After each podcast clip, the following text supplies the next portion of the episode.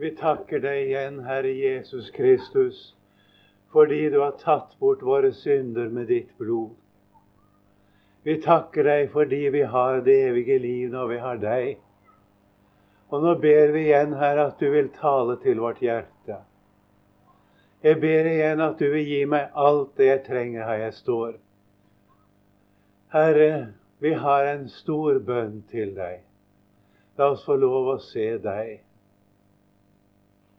Herre, la ditt sinn komme inn i oss gjennom ditt ord, ved din egen hellige ånd, Herre. Dette ber vi om i ditt navn. Amen. Vi skal lese igjen fra Filippenserbrevets første kapittel. da. Vi har lest det hele dag før, men nå skal vi lese fra vers 12 igjen. Altså Filippenserne 1, 12 og så leser vi da kapitlet ut. Jeg vil at de skal vite, brødre, at det jeg har opplevd, heller har tjent til evangeliets fremme. Så at det er blitt vitterlig for hele livvakten og for alle de andre at det er for Kristi skyld jeg er i lenker. Og så at de fleste av brødrene i Herren har fattet tiltro til mine lenker og derved enn mer har fått mot til å tale ordet uten frykt. Vel forkynner også så med Kristus av avvind og for kivs skyld, men andre dog også av velvilje. Disse forkynner Kristus av kjærlighet, idet de vet at jeg er satt til å forsvare evangeliet. Men hine gjør av trettesyke, ikke med ren hu, i det de mener å legge trengsel til mine lenker. Hva da? Kristus forkynnes dog på enhver måte, enten det skjer for syns skyld eller i sannhet. Det gleder jeg meg over. Ja, jeg vil òg fremdeles glede meg, for jeg vet at dette skal bli meg til frelse ved eders bønn og Jesu Kristi ånds hjelp etter min inderlige lengsel og mitt håp om at jeg ikke skal bli til skam i noen ting, men at Kristus, som alltid, så nå, med all frimodighet skal bli forherliget ved mitt legeme, enten det blir ved liv eller ved død. For meg er livet Kristus og døden en vinning. Men dersom det å leve i kjødet gir meg frukt av min gjerning, så vet jeg ikke hva jeg skal velge.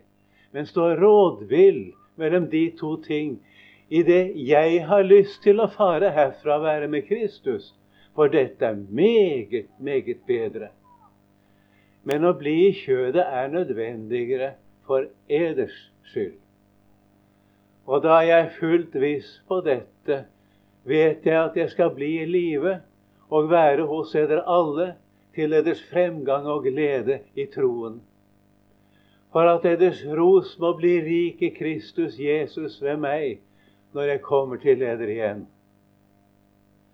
Bare før eders liv således som verdig er for Kristi evangelium.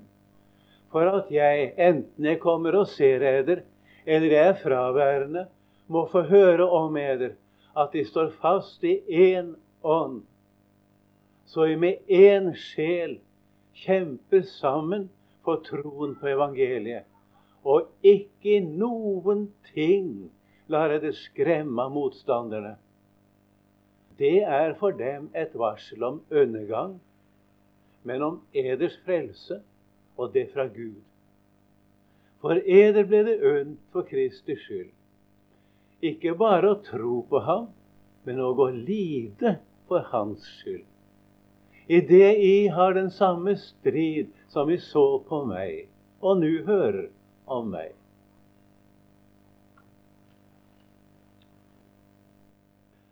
Vi talte i formen om samfunnet med Kristus i evangeliet. Samfunnet med Paulus i, arbeidet for evangeliet. Nå fortsetter apostelen her med å tale videre ut fra det. Jeg vil at de skal vite, brødre, at det jeg har opplevd, heller har tjent evangeliets fremme. Hva er det Paulus har opplevd? Alle hans planer ble gjort til intet. Da han var på den tredje misjonsreisen oppover mot Jerusalem, hadde han planer om å reise videre gjennom Rom til Spania på en ny misjonsreise. Han skriver romerbrevet mens han er i Korint, på slutten av den tredje misjonsreisen, og skriver til dem i Rom at han håper at han kan få nyte godt av dem en tid, og så få følge av dem videre vestover til Spania. Men det gikk helt annerledes. Da han kom til Jerusalem, så ble han anklaget. Det ble lagt intriger mot ham av jødene. Han ble stilt for en domstol, vet dere. Han ble nødt til å innanke sin sak for keiseren, enda han egentlig ikke ville det. Men han ble nødt til det for evangeliets skyld. Og Han kom til Rom som fange, og nå sitter han i fengsel. Det er gått på tvers. Det er gått stikk imot alt man kunne tenke. Og alt det som er skjedd, det ser ut til å være den store hindring som gjør det umulig for Paulus i hans gjerning. Ut fra det skriver Paulus nå til denne menigheten i Filippi, som han står i et særskilt forhold til, som sagt. Jeg vil at de skal vite, brødre, at det jeg har opplevd Det at jeg ble fengslet, jeg ble sendt til Rom, min vei ble stengt for meg, osv. Det har heller tjent til evangeliets fremme. Kjære misjonsvenner. Det samme gjelder i dag i Etiopia. Jeg vil gjerne si det fra Herren at det som har hendt i Etiopia i dag, heller har tjent til evangeliets fremme. Bare spør misjonærene. Vi tror det er så godt for Guds rike når det går etter våre planer. Tenk du om vi kunne planlegge. Tenk om vi kunne sette i verk. Tenk om vi kunne gjøre hva vi ville. Og det lykkes. Én ting er i hvert fall sikkert. Da ble det mange navnkristne. Det er iallfall sikkert. Det er ikke sånn når det går imot. Den tiden Guds rike utbredte seg mest her i verden, var en martyrtid. Om Gud vil, vi lever til søndag formiddag, skal jeg komme litt tilbake til det og tale litt om hvordan det egentlig var for de kristne den første tiden. Hvilken risiko det egentlig var i det hele tatt å bekjenne seg som en kristen.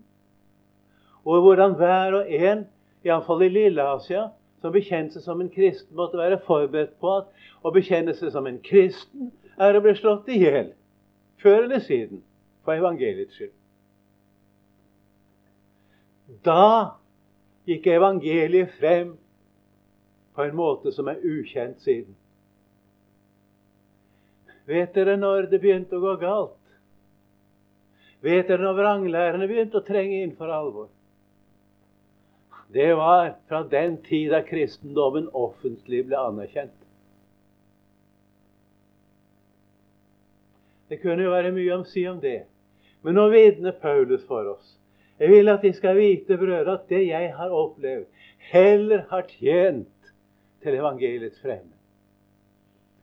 Det er blitt vitterlig for hele livvakten, og det er den keiserlige livvakt, og intet mindre enn det. Og for alle de andre.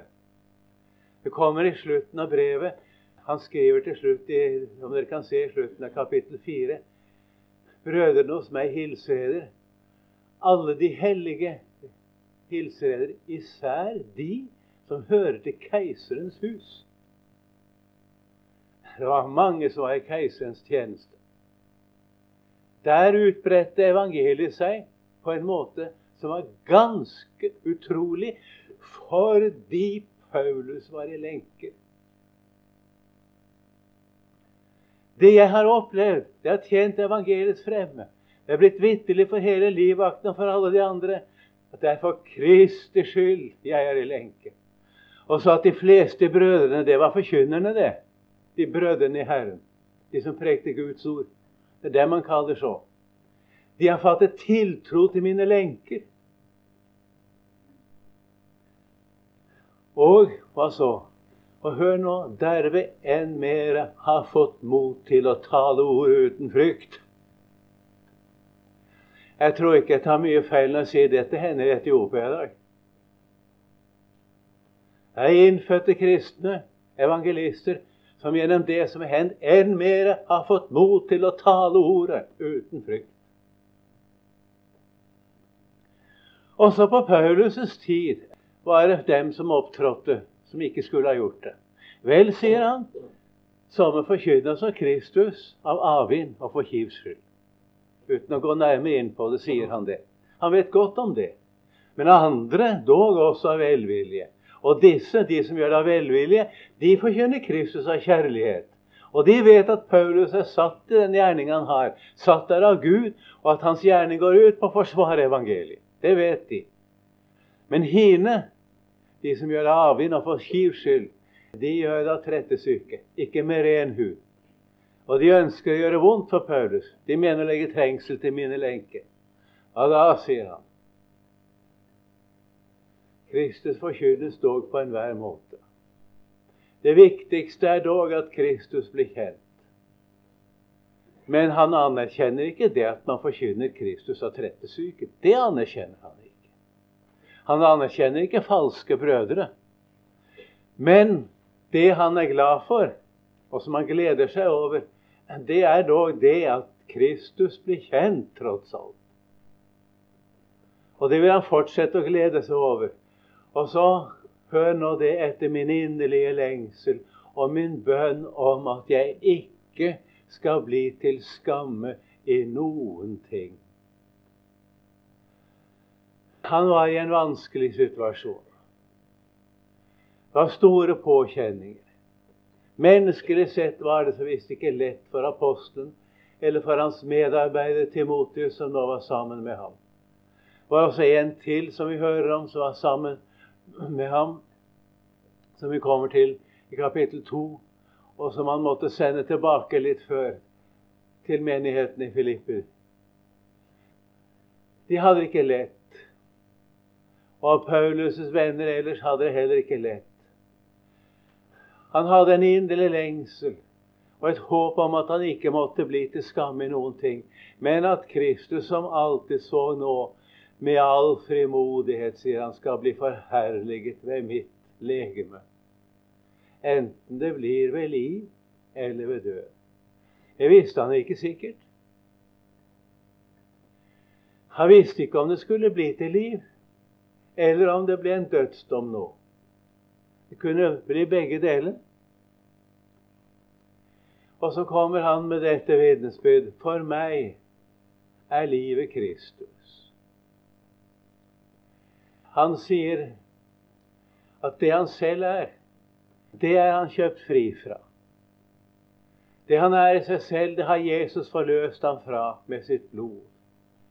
Jeg er korsfestet med Kristus, vitner han i Galaterbrevets annet kapittel. Jeg lever ikke lenger selv. I Romerbrevets sjette kapittel sier han i det sjette vers vårt gamle menneske ble korsfestet med Han. Da Jesus døde på korset, da seiret han over vårt gamle menneske. Jeg lever ikke lenger selv, sier Paulus. Eller han kjente godt at han hadde det gamle mennesket i seg.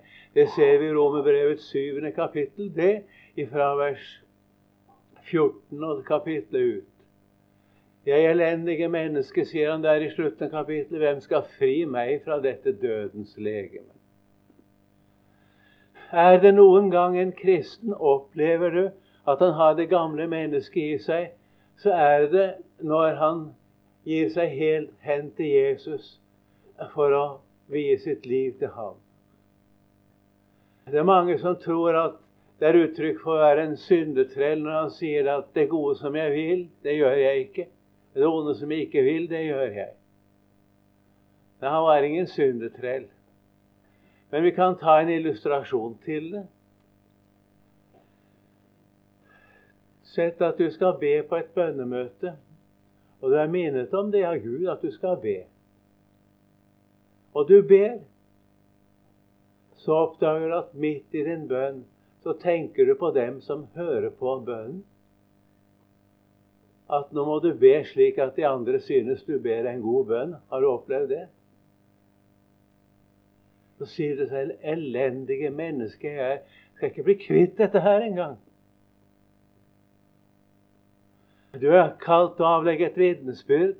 Du er minnet om det. Du står frem for å avlegge et vitnesbyrd. Og så griper du deg selv i at nå ønsker du å preke godt, at de andre skal synes at nå taler du godt. Og den som kunne være fri, det sier du. Og så har du viet ditt liv til tjeneste for Gud. Og så oppdager du det som apostelen Paulus et annet sted kaller en torn i kjødet. Vet du hva det er for noe? Det er ikke sykdom, kjære venner. Det er en Satans engel, det. Som slår en. Uten at jeg har tid til å komme nærmere inn på det. Og du opplever nettopp fordi du gir deg hen til Jesus. Tyven bryter ikke inn i et tomt hus, men han lar ikke dem være i fred. Satan lar ikke dem være i fred som vier seg til Herrens tjeneste. Apostelen Paulus var velkjent med alt dette. Men det var én ting han visste. Dette har Jesus kjøpt meg fri fra. Dette er ikke mitt liv. Kristus er mitt liv. Jeg lever ikke lenger selv, men Kristus lever i meg. Det betyr samtidig han lever gjennom meg. Det er underlig med dette språket som ikke vi kan få oversatt skikkelig til norsk. Fordi det har så mange betydninger samtidig ofte. At Kristus, Han som vi tror på, lever i og gjennom oss og gjør seg selv kjent for andre mennesker gjennom oss. Og stundom kan det hende at Jesus gjør seg selv mest kjent for andre når vi minst aner at det kan være mulig. Det er noen som har sagt til meg Ikke bare det, etterhånden blitt ganske mange. Det er synd at du har mistet synet ditt. Så svarer jeg jeg vil at dere skal vite at det jeg har opplevd, heller har tjent evangeliets fremme. Det er mitt svar. Jeg hadde aldri fått se Jesus slik som jeg har fått se ham etter at jeg mistet synet. Det er ikke synd på meg. Herren har sine forunderlige veier. Og Herren skal bruke oss og gjøre oss hjelpeløse. Han skal gjøre oss sterke. Da blir vi riktig svake. Jeg har nettopp opplevd det på en ganske eftertrykkelig måte, uten at jeg skal få si noe mer om det her. Vi blir aldeles gjort til ingenting. Og hvorfor det? Kristus er mitt liv, det er svaret. For meg er livet Kristus. Og så tenk døden en vinning. I fjor var jeg hos Lars Berg. Han lå på sitt siste. Vet du hva han sang? Han sang med jubel. Mitt hjerte i meg ler når jeg min grave ser. Min død er fergemann til livets faste land. Døden er en vinning for oss som tror på Jesus. Hvis det å leve i kjødet Nå taler apostelen ut av sin situasjon igjen. Hvis det altså fortsetter å leve her som menneske her i verden, hvis det gir ham frukt av hans gjerning, så vet han ikke hva han skal velge. Han står rådvill, sier han, mellom disse to tingene. Jeg, sier han, hvis det var det det kom an på, hva han hadde lyst til, så har jeg lyst til å fare fra å være med Kristus. For dette er meget, meget bedre. Jeg kunne hatt lyst til å sagt litt mer om det nå, men jeg har ikke tid akkurat nå. Om Gud vil, kanskje vi skal komme tilbake til det en senere time. Det er meget, meget bedre å fare fra å være med Kristus. Det er så forunderlig. Selv om døden, det er syndens lønn. Det er en følge av synden at døden er kommet inn. Så er døden for den som tror på Jesus, en Herrens tjener. For at det endog står i Guds ord at kostelig Herrens øyne er hans frommes død. Døden må tjene oss til det gode. Om han enn dør, skal han dog leve, sier Jesus, som dem som tror på ham. Og den som lever og tror på ham, skal aldri i evighet dø. Vi skal fare herfra og være med Kristus, sier apostelen. Jeg har lyst til det. Fare herfra og være med Kristus. Vi går ikke inn i noen søvntilstand når vi som kristne går ut av denne verden. Men som sagt, jeg har ikke tid til å si så meget mer om det nå. Men apostelens vitnesbyrd er meget tydelig. Jeg har lyst til å fare fra å være med Kristus, for dette er meget, meget bedre. Men, sier han, å bli i kjødet, altså fortsette å leve som menneske her i verden, det er mer enn nødvendig for deres skyld. Og da er fullt viss på dette, nemlig at det er nødvendig for deres skyld at jeg blir i live, så vet jeg også at jeg skal bli i live, og at jeg skal være hos dere alle til eders fremgang og glede i troen. Derfor skal han være i live, for at eders ros kan bli stor i Kristus Jesus ved meg. Ikke ved apostlene, er altså, men i Jesus Kristus skal deres ros bli stor ved ham når han kommer til dem igjen. Du ser hva for et redskap han er for Jesus, denne mannen. Du ser hva det er for et sinn som bor i denne mannen. Vi får komme tilbake til det om det går som tenkt i vår neste bibeltime. da. Men for meg er livet Kristus og døden en vinning. Det gjelder for alle som tror på Jesus. Og så må det som vi opplever her i verden, det må tjene til evangeliets fremme. Herren krysser våre planer. Herren lar det ikke gå som vi tenket. Og det aner meg det at det blir ikke bare i Etiopia, men det blir også snart i Norge at det blir farlig og vanskelig å være en kristen. Jeg kunne ha sagt en del om det. Det ligger jo planer ferdige. Og hvis de riktige folkene som har disse planene, får beholde regjeringsmakten, så blir alle våre friskoler forbudt. Dermed ble våre, ble bibelskoler stengt. Da blir fjellturen også stengt. Fjelløy ble stengt. Misjonsskolen ble stengt. Det lyser lyse fremtidsutsikter. Det er mye som står på spill i høst, kjære venner. Jeg kan ikke si mer om det. Planene ligger ferdige hos de personer som har dem, og som bare attrår å få makten her i landet og sette alt sammen i verk.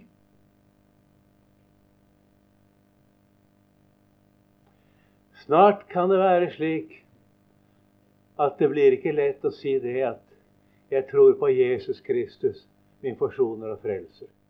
Gud skal du få lov å tro på så mye du vil Å tale om Gud som alles far, at vi alle er brødre og alt det der. Det er populært. Men det er ikke populært å si at Gud er deres far, som tror på Jesus, og som Jesus sier at 'ingen kommer til Faderen uten ved meg'. Det blir ikke tålt. Og du hører av og til i radio at vi har teologer i dag som sier dette allerede. De angriper dem som forkynner Kristus som Gud, og som forkynner forsoning ved Jesu blod, det som er vår redning. De er der. Det skal ikke så mye til før de får overhånd, menneskelig sett. Men vær sikker. Da skal også det skje at vi kan vitne som apostler at det som er hendt, heller har tjent til evangeliets fremme. Fordi nemlig For meg er livet Kristus. Og døden en vinning. Det står liksom bakom det hele. Nå visste Paulus at han skulle bli i live. Han ble også, leve, i liv, ble også i live. Han ble fri dette fangenskapet. Og han kom til og med på den planlagte reisen til Spania, etter alt hva vi vet. Det gjorde han. Det gikk slik. Men han kommer med en formaning som gjelder oss alle til alle tider. Bare før eders liv således som verdig er for Kristi evangelium. Det gjør ikke alle som bekjenner seg som kristne i dag. Det er mange som bekjenner seg som kristne, og som gjør det som apostelen sier lenger ute i brevet vi kommer til, som jeg ofte har sagt dere, og nå en dag med tårer sier, er fiender av Kristi kors. Hvis en er fortapelsen, hvis Gud er buken, og som setter sin ære i sin skam, de som attrår de jordiske ting. Det står i kapittel 3, det. Det finnes slike som bekjenner seg som kristne i dag. Og det er ikke alle som fører sitt liv således som verdig er på Kristi evangelium. Men det er det vi er kalt til. Og det er det apostelen skriver til disse sine venner, så at jeg enten jeg kommer og jeg ser eller er jeg fraværende, at jeg må få høre om eder at de står fast i én ånd. I Den hellige ånd. Så vi med én sjel kjemper sammen for troen på evangeliet. Det betyr ikke at alle de kristne i Filippi var enige om alle ting. For det fremgår av brevet at det var de ikke. Det betyr ikke at alle de kristne i Filippi hadde samme syn på alle ting heller. Men allikevel står de fast i én ånd, så de med én sjel kjemper sammen for troen på evangeliet. Og ikke noen ting lar dere skremme av motstanderne. Den formaningen er snart høyaktuell også for oss. At ikke noen ting lar dere skremme av motstanderne. et mektig vitnesbyrd det når en kristen kjemper for troen på evangeliet og ikke lar seg skremme av motstanderne. Det er for dem et varsel om undergang. Det kan de ikke unngå å kjenne og føle, enten de vil eller ikke. Men det er altså et varsel om eders frelse. Og begge deler, både at det er varsel om undergang for motstanderne og om det er frelse for de troende, det er fra Gud. For eder ble det unnt, står det, for Kristers skyld, ikke bare å tro på ham, men òg å lide for hans skyld. Det er altså noe stort, dette. Det ble unnt ikke bare å tro på ham, men å lide for hans skyld. I det jeg har den samme strid som jeg så på meg. De hadde jo vært vitne til den striden Paulus hadde da han kom til Filippi. Da han ble hudstrøket, kastet i det innerste fengsel, satt i stokken der. Da Paulus og Silas sang Gud lovsanger. Astrid fortalte meg at jeg i dag sa at de sang lovsanger i tempelet, men jeg mente i fengselet, selvfølgelig. Det var jo en forsnakkelse, det, da. Det er dessverre kommet inn på opptaket òg, den forsnakkelsen. Men det gjør vel ikke noe. De sang Herren lovsanger der, ja. Men tror du det var lett å bli hudstrøket? Det er en smertefull opplevelse. Hvordan tror dere følte det etterpå? Tror dere de satt der og hadde det godt i fengselet? Det var en strid som de i Filippi var vitne til.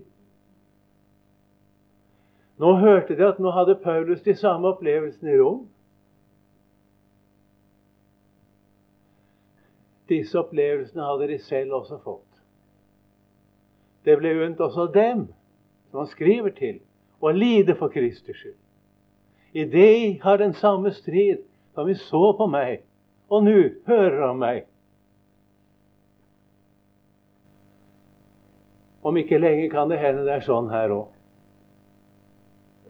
Vi har den samme strid som vi hører om Paulus, og som vi er vitne til at de kristne har både her og der. Men jeg gjentar det blir til evangeliets fremme. Så sant vi står fast i én ånd, og med én sjel kjemper sammen på troen på evangeliet.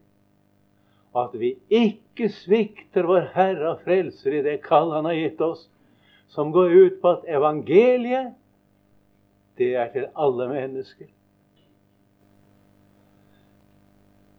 Det kan kanskje høres underlig, men hvorfor skal jeg ikke si det?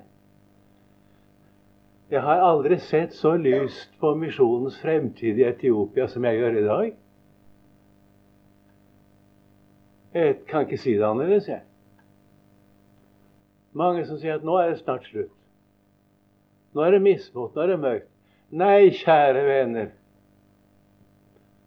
Det som er hendt, det er heller til evangeliets fremme. Vi har en frelser som vet hva han gjør for noe. Det er han som har all makt i himmel og på jord. Det er han som er misjonens herre. Det er ikke vi. Det er hans tjenere vi er. Jeg ville så gjerne gjøre til mitt vitnesbyrd, som jeg sa til å begynne med i dag, at jeg er en Jesu Kristi trell. Jeg er Jesu Kristi eiendom. Det er en salighet uten like. Å ha en slik Herre, du. En slik frelse. En slik rikdom og en slik salighet. Ja, i sannhet, for meg er livet Kristus. Vi takker deg, Jesus, for ditt ord. Vi takker deg fordi du er alle tings herre.